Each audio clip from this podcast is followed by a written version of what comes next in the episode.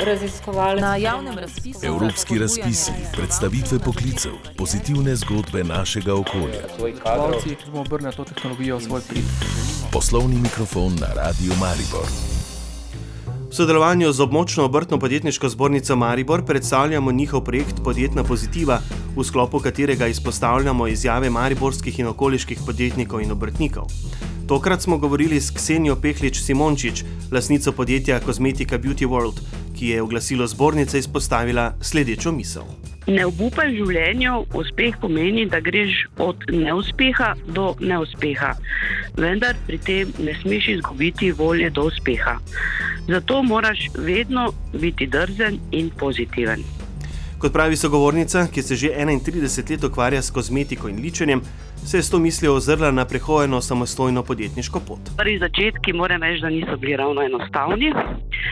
In je večkrat bilo tudi polen pod noge, nerazumevanje. Ne, kdo bi se pred 30-40 leti, pravzaprav kaj sem že začela, leta 83, pustil naličiti ne, za honorar, kaj bi to treba, zakaj bi se ličili, se to pa vsak zna posebej sam. Ne. In da ti živiš od tega, je bilo kar treba, kar dosti, dosti potrpljenja, vaje, tudi kdaj kakšen neuspeh, ki je pol bil toliko bolj slajši, ko je prišel uspeh. Tako da je bila ta pot uh, v prejšnjem stoletju kar pestra, moram reči. Včasih tudi neuspela, ampak če si vztrajen, pozitiven mišljenju, sam vase veruješ, pride uspeh. Po mnenju Ksenije Pehlič Simončič, slovencem verovanja vase primankuje a se to spremenja. Vidim pri mladih, s katerimi imam še vedno kontakt in jih šolam in jih eh, tudi spremljam. Vidim, da se je ta stvar precej spremenila na tisto obdobje, ko sem jaz začela, recimo, ne, pred tolikimi in tolikimi leti. Sogovornica se je lotila samostojnega kozmetičnega posla v prvi vrsti zaradi nezadovoljstva z lastno kožo. In seveda ta estetski pomen um, lepote, da je vsaka ženska, ne glede na izgled, lepa. In tisto lepoto, da mi še lahko dopolnimo in damo tisto piko na i ali pa višnjo na vrh tega izdelka, kaj naredimo. Ne? Do ustanovitve lastnega kozmetičnega salona je preteklo kar nekaj časa, saj so vmes prišla še zastopstva za podjetja in sodelovanja z drugimi kozmetičnimi firmami.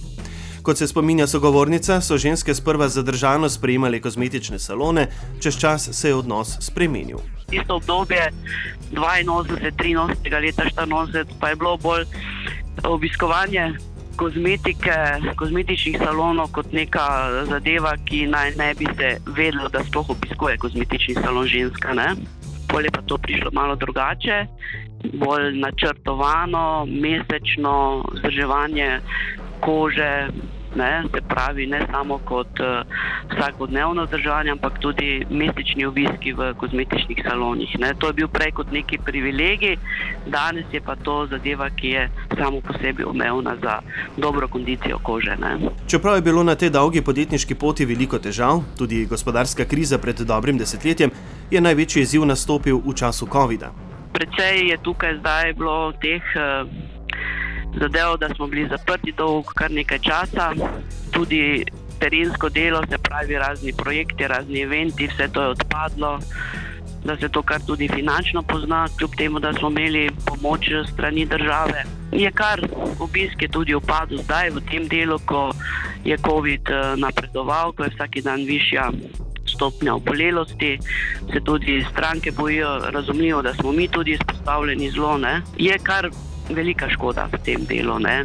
Aksenija Pehlič Simončič ni obupala in ostaja optimistka. COVID-ni čas je izkoristila za nov projekt. Nadejam se uh, novemu salonu, ki ga zdaj skrbno renoviram in obnavljam.